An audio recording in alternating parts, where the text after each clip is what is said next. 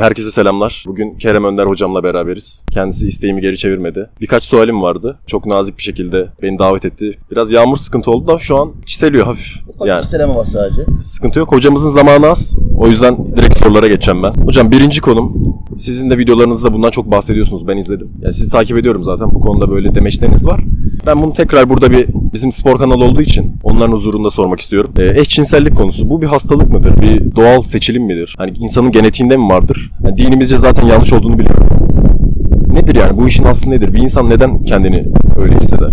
Doğasında mı var insanın? Şimdi Allah Teala Hazretleri insanı yarattı. فَاَلْهَمَهَا فُجُورَهَا ve takvaha diyor Kur'an. İnsanın nefsine fujuru da, günah işlemeyi de, takvayı da ilham ettik diyor. Yani her iki tarafa da potansiyelimiz var. Sağ tarafa da Rahman'ın, meleklerin tarafına da gidebiliriz. Sol tarafa da şeytanın tarafına da gidebiliriz. Eşcinselliği tercih etmiş olan insanlar doğuştan itibaren böyle bir hastalık mevzu bahis değildir. Allah hasta yaratmaz. Allah arızalı yaratmaz. Bu bir seçimdir. Bu bir tercihtir. Eşcinselliği tercih etmiş olan insanlar kötülüğe olan meyillerini karar kılmış, bunda sebat etmiş ve buraya doğru hamle yapan insanlardır. Her insanın içinde kötülüğe meyil vardır. Kötülüğe meylimiz var diye biz bunu yapmak zorunda değiliz ki. Benim bir aklım var, bir iradem var. Benim de içimde öyle meyiller var ki, televizyonda gör, dövmek istediğim o kadar fazla insan var ki, bir tekvandocu olmam hasebiyle. İçimde çok fazla meyil var. Sokakta görüp bir hayvana tekme attığı zaman gördüğümde elsiz dövmek istediğim o kadar fazla insan var ki ama bu bir suç. Dövemem. İçimde böyle bir meyil var diye kendimi buraya sevk edemem. Çünkü bu suçtur, yasak. Dini olarak da bazı kaideler var. Allahü Teala Kur'an'da iki cinsten bahsediyor. Erkek, kadın. Üçüncü bir cins yok. Eşcinselliğin caiz olmadığının,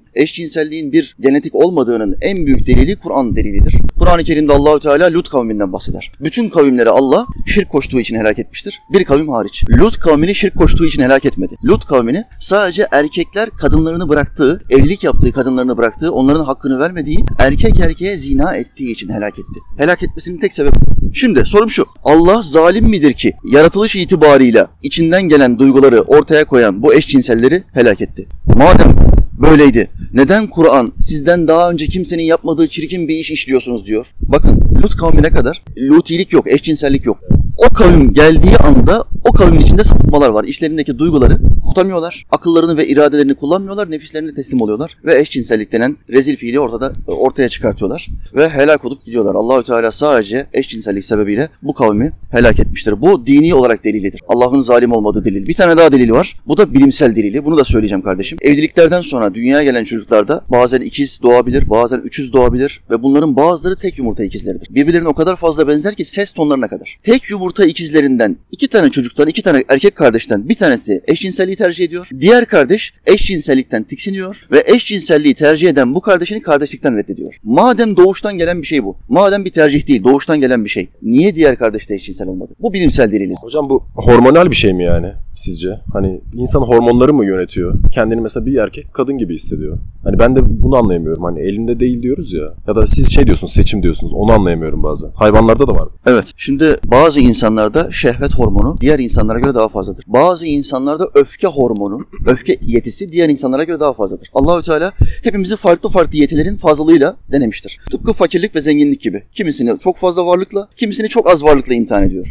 Şimdi benim hormonlarım öfke konusunda çok fazla olduğu için bu beni seni dövme, sana küfretme, sana bağırıp çağırma ve tepeden bakma konusunda teşvik edebilir mi? Benim bir aklım, bir iradem var. Ben kendimi tutmak zorundayım Taylan. Eşcinsellik de aynen bunun gibidir. Bu son bir cümle söylemem lazım. Bu kardeşlerimizin kesinlikle kafir denmez. Ehli sünnet akidesinde tekfir etmek yoktur. Eşcinselliği tercih etmiş olan, bu hastalığa, bu bağımlılığa düşmüş olan, tıpkı uyuşturucu gibi, tıpkı hırsızlık gibi, tıpkı içi gibi bu bir bağımlılıktır. Bu bağımlılığa düşmüş olan insanlara İslam kafir demez. Yeter ki onun haram olduğunu bilsin. Bu kardeşlerimiz tövbe kapısı sonuna kadar açıktır. Tövbe edecekler ve daha erkek olan insanlarla ya da kadınlar da daha kadın olan insanlarla, kadınlarla beraber olacaklar ve normalleşmeye başlayacak. Birçok insanın dönüşümüne vesile olduk inşallah daha fazlasının dönüşümüne vesile oluruz kardeşim. Ki hocam buradan da şeye geçmek istiyorum. Yeni nesilde de böyle bir eşcinselliğe bir özenti var. Belki fark etmişsinizdir. TikTok uygulaması var mesela. Çok yani rezalet içerikler var açıkçası. Ben zaman zaman dalgada geçiyorum onlarla. Özellikle bu yeni nesildeki tembellik, işte işte bu eşcinselliğe kayma, mastürbasyon bağımlılığı. Hani yozlaş, yozlaştık mı artık? Yoksa teknoloji yüzünden mi bu hale geldik? Ne düşünüyorsun? Şimdi teknoloji Teknolojinin çok büyük faydaları var. Ben düne kadar 20 kişiye 30 kişiye sohbet veren bir adamdım. Bugün 100 binlere hitap ediyorum. Bak teknolojiyi iyi kullanırsan demek ki çok iyi yerlere gidip götürebiliyorsun. Ama aynı teknoloji günaha düşmek, şeytanın hizmetini yapmak, onun adımlarını takip etmek çok daha cazibeli, çok daha cafcaflı ve çekici olduğundan, daha kolay olduğundan insanlardaki bozulma iyiliğe dönmeden daha fazla oluyor. TikTok denilen, Instagram denilen mecralarda İslami hizmetler yapmaya devam ediyoruz. Ama bizim izlenme oranlarımız sapık insanların videolarının izlenme oranlarının yanında onda bir, yüzde on kadar bile yok Taylan kardeşim. Bir gün kardeşime dedim ki benim bütün sosyal mecralarda hesaplarım var. Hepsinde İslam'ı tebliğ ediyorum. Bana dedim şu TikTok hesabımın kodlarını verin, şifresini verin bir gideyim bakayım bir iki saat. Bu insanlar ne yapıyor? Bu insanların merak mecrası ne? Girdim Taylan kardeşim ve yarım saat dayanamadım. Zeka seviyesi, IQ seviyesi alçak değil, çukur. Ve en çok izlenen videoların cinsellik, kadınların kendisini teşhir ettiği videolar. İki eşcinsellik. Erkeklerin ya da kızların eşcinsel gibi davrandığı, efemine tavırlarda bulunduğu o kısa videolar, 30 saniyelik bir video. En çok tıklananlar, en çok izlenenler bunlar. Ve izleyen insanlar da başta alay etmek için izliyor. Ama sonra şunu de- demeye başlıyor şeytan tarafından. Ya ben de bunun gibi çok fazla bir tıklanan fenomen olabilir miyim? Demeye başlıyor. Özeniyor. Özeniyor. Özeniyor. Farkında olmadan o da videolar çekmeye başlıyor. Bir de dalga geçse bile onu izliyor. Ya ona bir para kazandırıyor sonuçta. Ona bir ünlü ediyor. Nefret etse bile ondan maalesef. Hani siz de sevmiyorsunuz ama izlenme kazandırmışsınız. Tabii tabii tabii. O da işin kötü yanı ya. Yani gençleri bu konudan her mecrada sakındırmaya çalışıyoruz. Uzaklaştırmaya çalışıyoruz. Asıllarına döndürmeye çalışıyoruz. Z kuşağı tabiri de her, her zaman kullanırım. Z kuşağı çok değişik bir kuşak. Ben bunlara zombi kuşağı diyorum. Neden zombi diyorum? Tabii ki genelleme yapmıyoruz. Hepsi böyle değil. Zombileştiriyorlar. Beyinlerini zombileştiriyorlar. Bu teknolojiye o kadar fazla bağımlı olmuşlar ki algoritmanın kölesi haline gelmişler. Algoritma onlara neyi emrediyorsa bunu yapmak zorundalar. Telefonlar ellerinden düşemiyor. O telefona bir saat bakmadan duramıyor. Muhakkak ding diye bir ses geldiği anda bakmak zorunda. Kardeşim bütün bildirimleri kapat. Hayatını onun kontrol etmesine izin verme. Hocam artık hayatımız oldu. Ben bile mesela buradan bakıp soru soruyorum şu anda. O problem değil. Soru sorman, okuma yapman problem değil. Ama o telefon devamlı surette elindeyse ve bütün bildirimler geldiğinde ana ekranda görünüyorsa artık kontrolü kaybettin demektir. Maalesef biraz öyle. Hocam şimdiki sorum biraz farklı bir konu. Bizim kanalımız spor kanalı tekrar onu söyleyeyim. Hocam vücut geliştirme yapan biri yarışmalara katılıyor biliyorsunuz. Bu yarışmalarda yasaklı maddeler kullanıyor. Dopingler, steroidler. Yani insanın hormon yapısını bozan şeyler az çok duymuşsunuzdur. Hocam bunu kullanan birisi mesela Türkiye'yi temsil ediyor Avrupa'da. Ülkesini temsil edip bu ilaçları kullanan birisinin yarışması bunları bu gayeyle kullanması caiz midir, doğru mudur? Ülkesini temsil etmek amacıyla. Şimdi spor yapmakta hiçbir sakınca yok. İslam dini zaten sporu emrediyor. Muhammed Aleyhisselam en büyük sporcudur. Sohbetlerinde 6-7 tane yaptığı, daimi yaptığı sporları saymıştım. Ata biniyor. Tabii ata binmesi, ok atması, koşması, yüzmesi, güreş yapması bunlar daimi yaptığı sporlar. Vücut geliştirme olayında da hiçbir sakınca yok fakat şartları var. Şartlar şu, geliştirme olayını insanlara gösteriş yapmak için. Vücudumun ne kadar güzel olduğunu sergileyeyim, onlardan daha üstün olduğum ortaya çıksın niyetiyle yaptığın zaman bu riyaya girer. Riya İslamiyet'te gizli şirktir, en büyük günahlardandır. Bu niyette olmazsan güçlü kuvvetli olmam lazım, vücuduma bu emanete bakmam lazım. Vatan savunması gereği duyulduğu anda vatanımı savunmak için kuvvetli olmam lazım niyetiyle. Aynı spor yaparsan her saniyen ibadet olur, cihat sevabı olur. Bu çok önemli iki ayrımdır. Yasaklı madde yani doping maddeleri vücudu daha hızlı bir şekilde geliştirebilmek için steroid kullanma, iğne kullanma en sakıncalı şeylerden bir tanesi budur. Evet 10 senen 20 senen çok iyi geçer. Kasların normalden fazla şişer ama 45 yaşına 50 yaşına geldiğinde senin cinsel hayatında sorun çıkartacaksa, senin zihni hayatında, zihin hücrelerinde sorun çıkartacaksa ki bilimsel görüşler bunu destekliyor Çıkartıyor. çıkartıyor. Bunlar bariz ise tıpkı içki içmek gibi, tıpkı sigara içmek gibi, geleceğine dair tıpkı uyuşturucu hap kullanmak, met kullanmak gibi, geleceğine dair çok ciddi sorunlar ortaya çıkartacağı belliyse, çıkarttığı belliyse bunu kullanmak asla caiz değildir. Ülken için bile olsa. Ülken için bile olsa bayrağını dalgalandırmak iba- ibadettir. O spor müsabakalarında bayrağını dalgalandırmak, İstiklal Marşı'nı okutmak bir ibadet. Ama şartlarını yerine yerine getirmen lazım. Bedenine zarar vermeyeceksin Veriyor.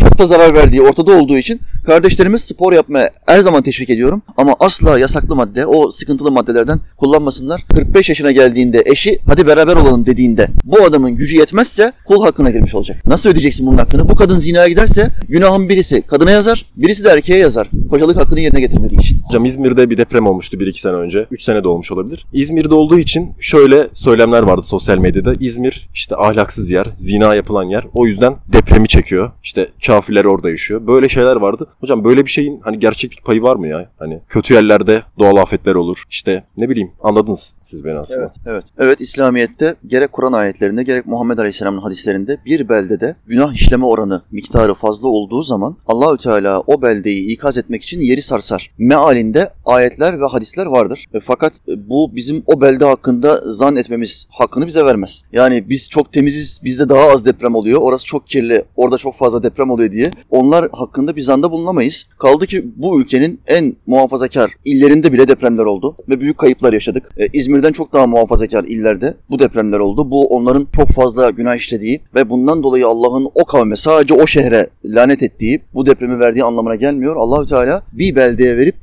diğerlerini de ikaz edebilir. Böyle bir kudreti vardır, böyle bir hikmeti vardır. Yani illa bu İzmir'de, Alanya'da, Antalya'da oldu diye bu millet kafirdir, ondan dolayı Allah bunlara bunu vermiştir denmez. Kafir memleketlere baktığın zaman bunlarda bazılarında, bu ülkelerin bazılarında deprem oranlarının bizden daha az olduğu görülebiliyor. Niye Allah onlara vermiyor? Onlara farklı yerlerden verebiliyor, kasırgalarla verebiliyor. Amerika dünyanın en çok kasırgayla helak edilen ülkesidir mesela. Deprem daha azdır. Japonya dünyanın en çok deprem gören ülkesidir. Çok tedbirliler.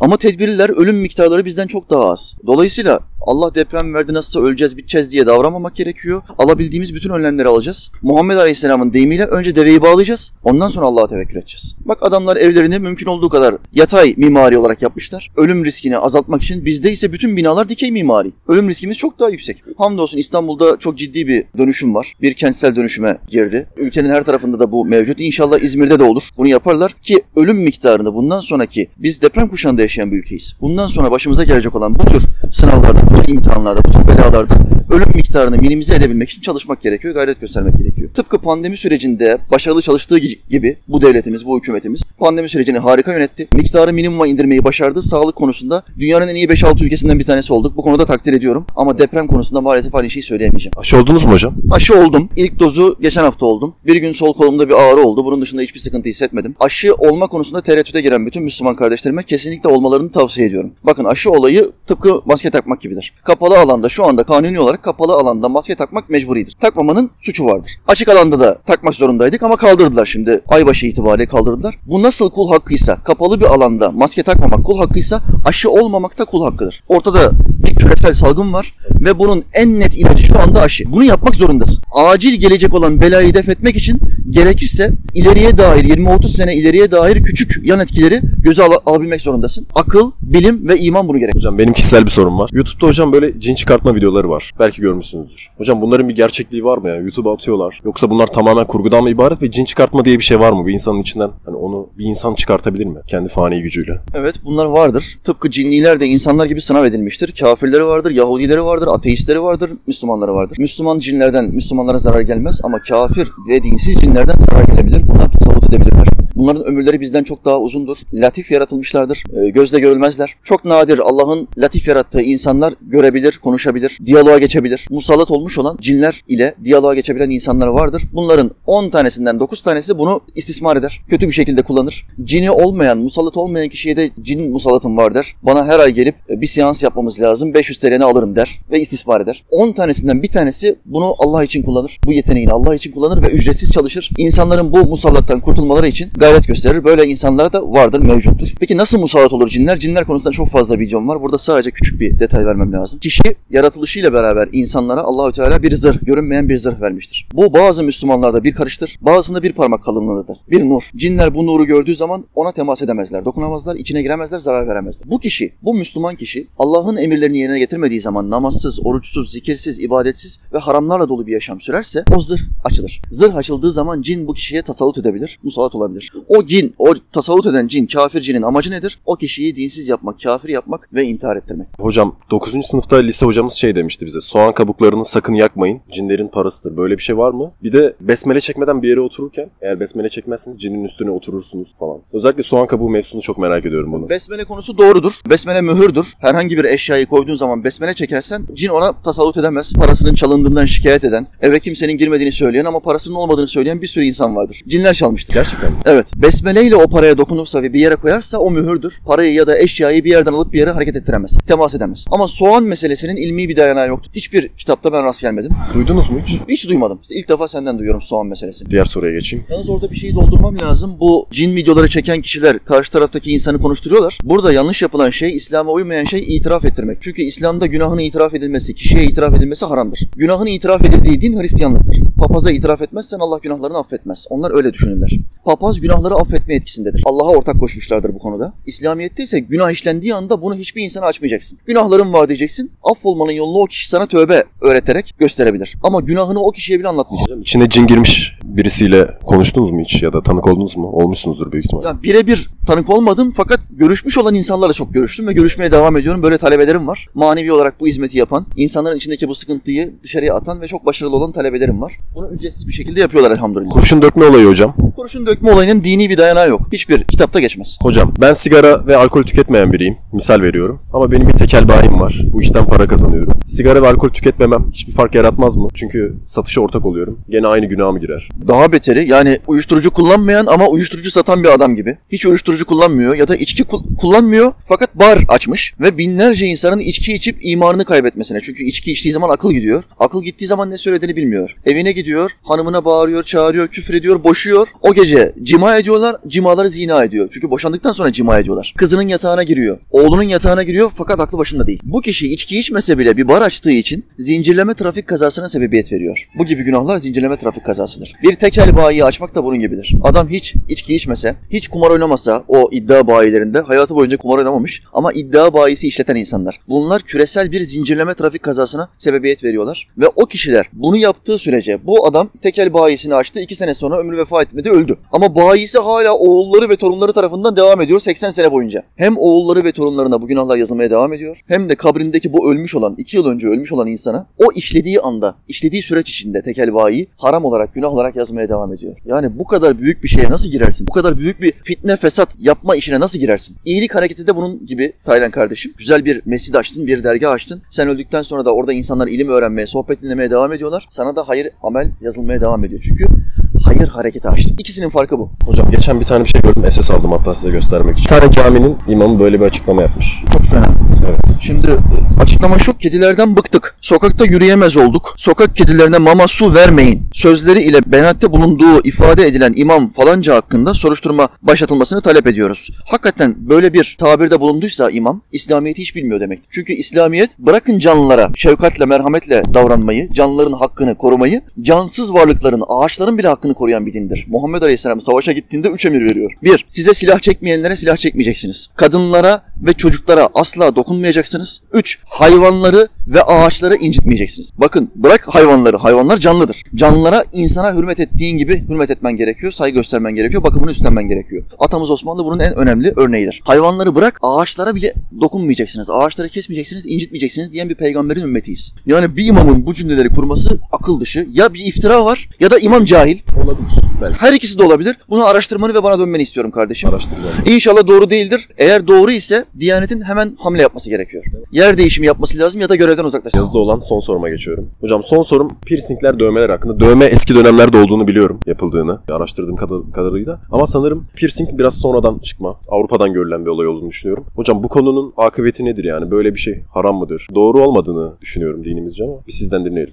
Dövme konusunda açık e, hadis-i şerif vardır. Muhammed Aleyhisselam dövme yaptırana, dişlerini inceltene, saçına saç ekletene Allah lanet etmiştir. Sayı hadisinde bu işin yasak olduğunu, herhangi bir hadiste lanet etmiştir ifadesi varsa bu bütün ehli sünnet uleması gereğince haramdır. Helal olmayan bir şeydir anlamına gelir. Lanet etmiştir tabirini dövme hakkında da kullanıyor. Başka hadiste kadına benzeyen erkeğe, erkeğe benzeyen kadına Allah lanet etmiştir buyuruyor Muhammed Aleyhisselam. Dolayısıyla dövme olayı caiz değildir. Halk çok fazla sorduğu suallerden bir tanesi dövmem var. Tövbe ettim bir daha yaptırmayacağımı söz verdim ama benim guslüm geçerli midir diyorlar. Kesinlikle gusül abdestleri geçerlidir. Bu konuda vesvese yapmasınlar. Dövmeyi sildirmese bile tövbe ettikten sonra artık günah olarak yazmaz. Tövbe etmediyse onun meşru olduğunu düşünüyorsa saniye saniye. Bakın saniye saniye günah olarak yazmaya devam edin. Piercing olayına ya da küpe olayına geçelim. Erkeklerin kadına benzeme durumundan dolayı bu da caiz değildir. Müslüman erkekleri kesinlikle e, dikkat çekici küpe takma ya da piercing takma olaylarından biz Müslüman İslam davetçileri olarak sakındırmaya çalışıyoruz. Kadınlar da küpe takmasında hiçbir sakınca yok, takı takmasında bir sakınca yok fakat piercing denilen olay çok dikkat çekiyor. Kadında tesettür emrini veren ayeti kerime sadece bir giyimden bahsetmez. Makyajı da bize yasaklar, kokuyu da bize yasaklar. Çünkü mesele kadının onurunu, iffetini korumak, rahatsız edilmesini engellemek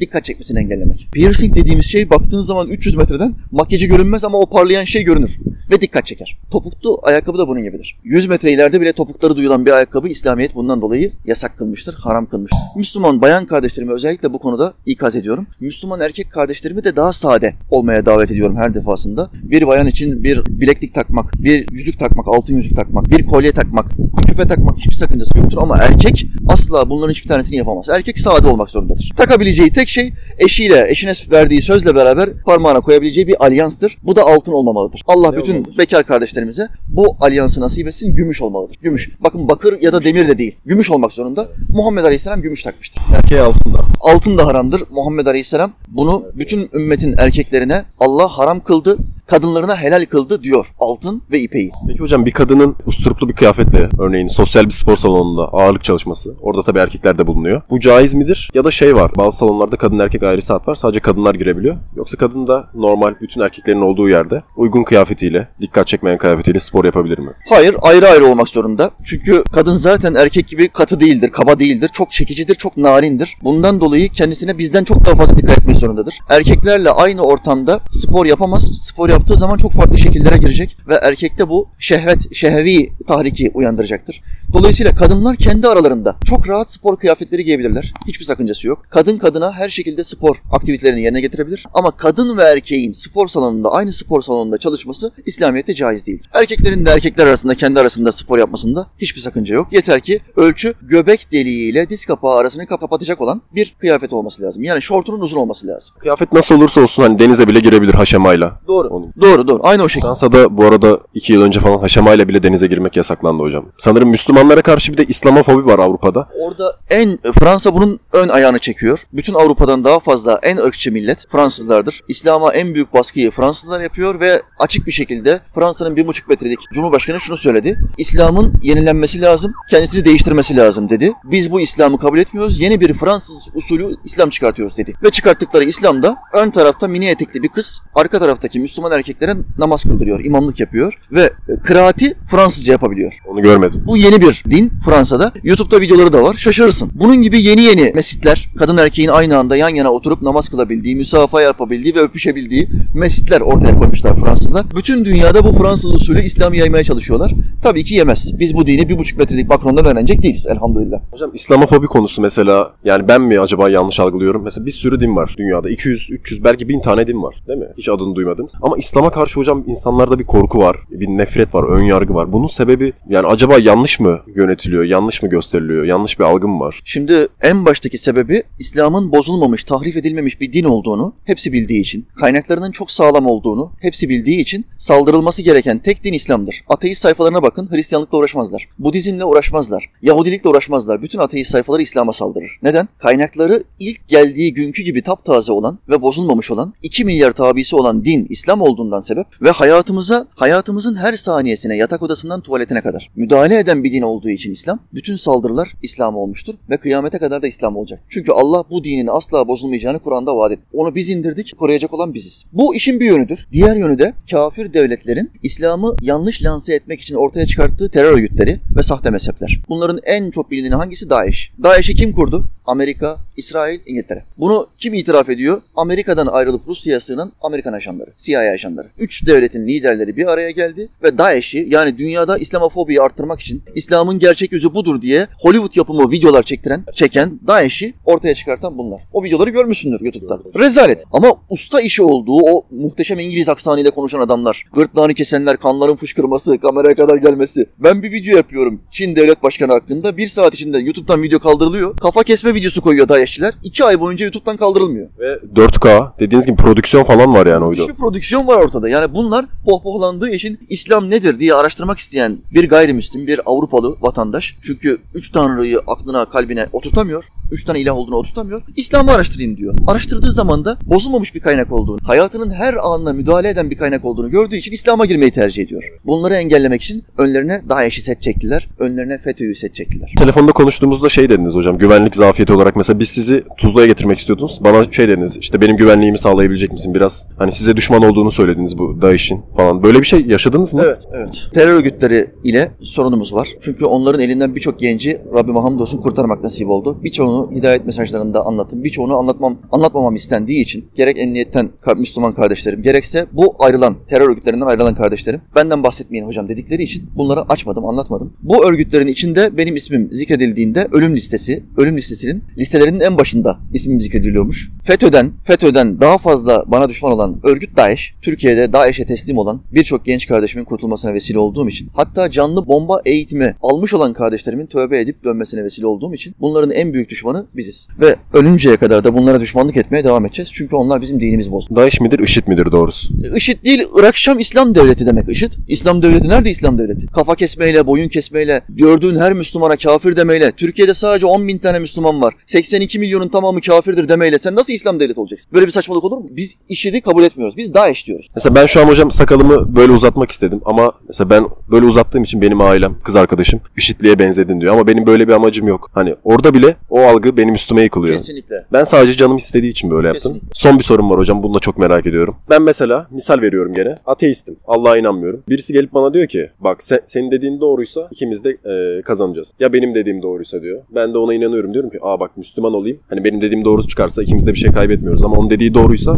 ben kazanacağım. Bu bakış açısıyla Müslüman olan insanlar var. Hani sırf ateist olmayayım. Belki doğrudur onun dedikleri de işte cennete giderim. Hani bu açıyla dine yaklaşmak doğru mudur hocam? Mantık açısıyla. Hiçbir sakıncası yok. Zaten İslam önce mantığa hitap eder. Allah aklı olmayana hitap etmiyor. Aklı olan olmayan da namazı da kaldırmış. Orucu da kaldırmış. Onu serbest bırakmış. Mahşere gittiği zaman kul hakları hesaplarını görecek. Ondan sonra yok edecek. Cennet ya da cehennem onun için mevzu bahis olmayacak. Şimdi İslam zaten bir mantık dinidir. Önce akla hitap eder. Bu verdiğin örneklendirme İmam Ali'nin örneklendirmesi. Dine inanmayan, ahirete, hesaba inanmayan bir kişi kendisine geldiği zaman diyor ki hakikaten inanıyor musun ahirette hesap olacağına? Bu ibadetleri, bu oruçları, bu zekatları niye veriyorsun? İnsan malından verir mi ya? diyor. Bu namazları niye kalıyorsun günde beş defa diyor. İmam Ali diyor ki ben buna iman ediyorum. Fakat diyelim ki senin dediğin gibi olsun ahiret diye bir şey olmasın, hesap diye bir şey olmasın, Allah diye biri olmasın. Bizden hesap soracak biri olmasın. Kaybeder misin, kazanır mısın? Ahirette gittiğin zaman göreceksin ki var. Sen kaybedersin. Ben kaybeder miyim? Kaybetmem çünkü zaten doğru bir şekilde yaşamışım. Zaten inanarak yaşamışım. Ama sırf bunun için hani buna inanmak doğru mudur ya? Bence doğru değildir ya. Sırf bu, bu bakış açısıyla. Bir şey kaybetmeyeyim bakış açısıyla.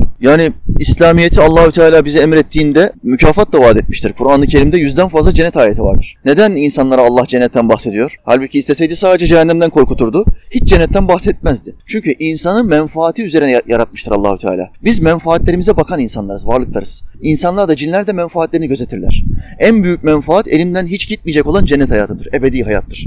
İstediğim her şeyin karşıma gelecek geleceği ebedi bir cennet hayatıdır. Bundan daha büyük menfaat yoktur. Dolayısıyla sadece menfaat için ibadet yapıyorum. Allah'a iman ediyorum menfaatim için demekte de hiçbir sakınca yok. Kişi aklını reddetmemiş olur. Bu asgarisidir. Şeriatın yani İslami yaşamının asgarisidir. Bir de azamisi vardır. Ben Allah'ıma cennet için ibadet yapmıyorum. Bana cennette hiçbir şey vermese bile ben sırf Allah'ımın kulu olduğum için ona bana dünyada verdiği nimetler için ibadet yapıyorum demek. Rabiatül Adeviye gibi. Bu imanın üst mertebesidir. Her Müslümanı iki şekilde değerlendir. Dinin asgarisini yaşayanlar, dinin azamisini yaşayanlar. Biz inşallah azamisini yaşayanlardan. Hocam cennet demişken bir soru daha aklıma geldi. Geçen hafta bir video patladı. Sanırım bir imam, tam olarak bilmiyorum vasfını. Cennetteki hu- huriler hakkında fiziksel tasvir yapıyordu. Göğüsleri hakkında, ten rengi hakkında. Bir huriyle cinsel ilişkiye girmek, e, cima etmek 100 yıl sürecek gibi bir söylemi vardı. Belki izlemişsinizdir. Baya böyle Twitter'da falan, ekşi sözlükte bayağı konuşuldu.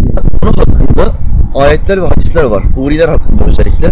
Muhammed Aleyhisselam Müslüman erkekleri teşvik etmek için Allahü Teala'nın bahsettiği huri ayetlerini çok okurdu. Kendisi huriler hakkında Kur'an'da bahsedilmemiş olan bilgiler de verirdi. Her Müslümana iki tane huri kızıyla evlenme, nikahlanma sahih hadislerde varittir. Zayıf hadislerde 70 huri kızıyla evlendireceği söylenir mesela. Zayıf hadislerdir ama bu hadisler de vardır. Dolayısıyla cinsel ilişki konusunda cennette cinsel ilişki, cinsi münasebet dünya erkeklerinde geçicidir. Yorulur ve durur. Onun dinlenmesi lazım gelir birkaç gün. Ama cennet erkeklerinde ve cennet kadınlarında cinsel yorgunluk olmaz. Bu ayetler ve hadisler meşrudur, vardır. Belki yanlış cümleler kurdu. Belki ateistler cımbızlama olayını çok severler. Olayın ortasından çeker alırlar bilmiyorum. Ama olan e, kaynaklarda olan bilgileri de asla gizleyemeyiz. İlme ihanet etmiş oluruz. Benim duyduğum, net hatırladığım şu beyaz tenli, iri göğüslü. Bunları hatırlıyorum.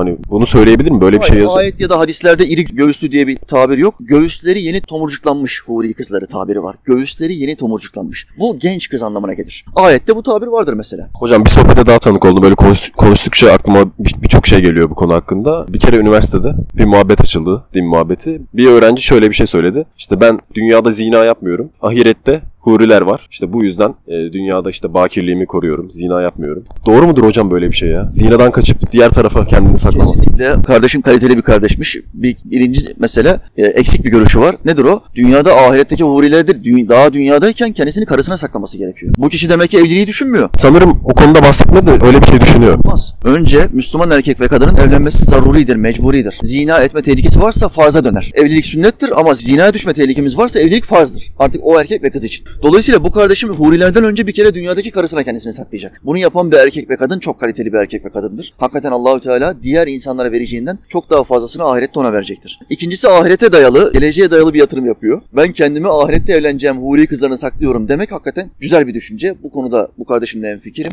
Dünyada hakikaten kendisini zinadan korursa Allahü Teala normal bir Müslüman erkeğe iki tane huri verecekse buna daha fazlasını verir. Tıpkı şunun gibidir. Dünyada gözlerini aldığı, kör yaptığı bir kula ahirette iki cennet vereceği gibi. Her hepimize bir cennet var ama gözlerini aldığı kula ahirette iki tane cennet vereceğini Muhammed Aleyhisselam hadislerinde bildiriyor. Çünkü dünyadaki en büyük nimet görmek. Hocam hayvanların cennete, cehenneme gitme olayı var mı? Yoksa Hayır. Bildirilen 10 hayvanın dışında Muhammed Aleyhisselam'ın hadisinde bildirdiği 10 hayvanın dışında hiçbir hayvan cennete girmeyecektir. Bunların tamamı aralarındaki kul hakları, hayvanların da kul hakkı vardır. Taksim edildikten hemen sonra mahşerde yok edileceklerdir.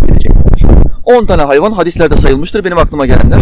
Süleyman Aleyhisselam'ın konuştuğu karınca, Muhammed Aleyhisselam'ın devesi Kasva, Kıtmir, Ashab-ı Kehf'e öncülük eden, dostluk eden Yaren Kıtmir, Süleyman Aleyhisselam'ın konuştuğu Hüdhüd gibi 10 tane hayvan cennete girecek, ebedi olarak orada bizimle beraber yaşayacaklar. Bunların dışındaki hiçbir hayvan cennete girmeyecek. sorularım bu kadardı hocam. Çok çok teşekkür ederim. Gerçekten. kardeşim. Güzel bir sohbet oldu. Birkaç tane hediyem var. Güzel bir sohbet ettik. Bizi çok güzel ağırladı burada. Tekrar teşekkür ediyorum. Pişmaniyeyi de aldı. Kokonatlı pişmaniye. Özel olarak getirdim. Hocam onu bir videonuzda bir yorumlarsanız ya da bana dönüş yaparsanız. Ben sana dönüş yapacağım kardeşim merak etme. Lezzet konusu bizden sorulur.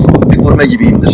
Çok fazla hediye gelir sağdan soldan. Çok beğendiklerimi kendim tüketirim. Az beğendiklerimi hemen dağıtırım. Kimse kusura bakmasın ben gerçekçi bir adamım. Yani senin gönlün kırılmayacak diye olmayan şeyleri söylemem.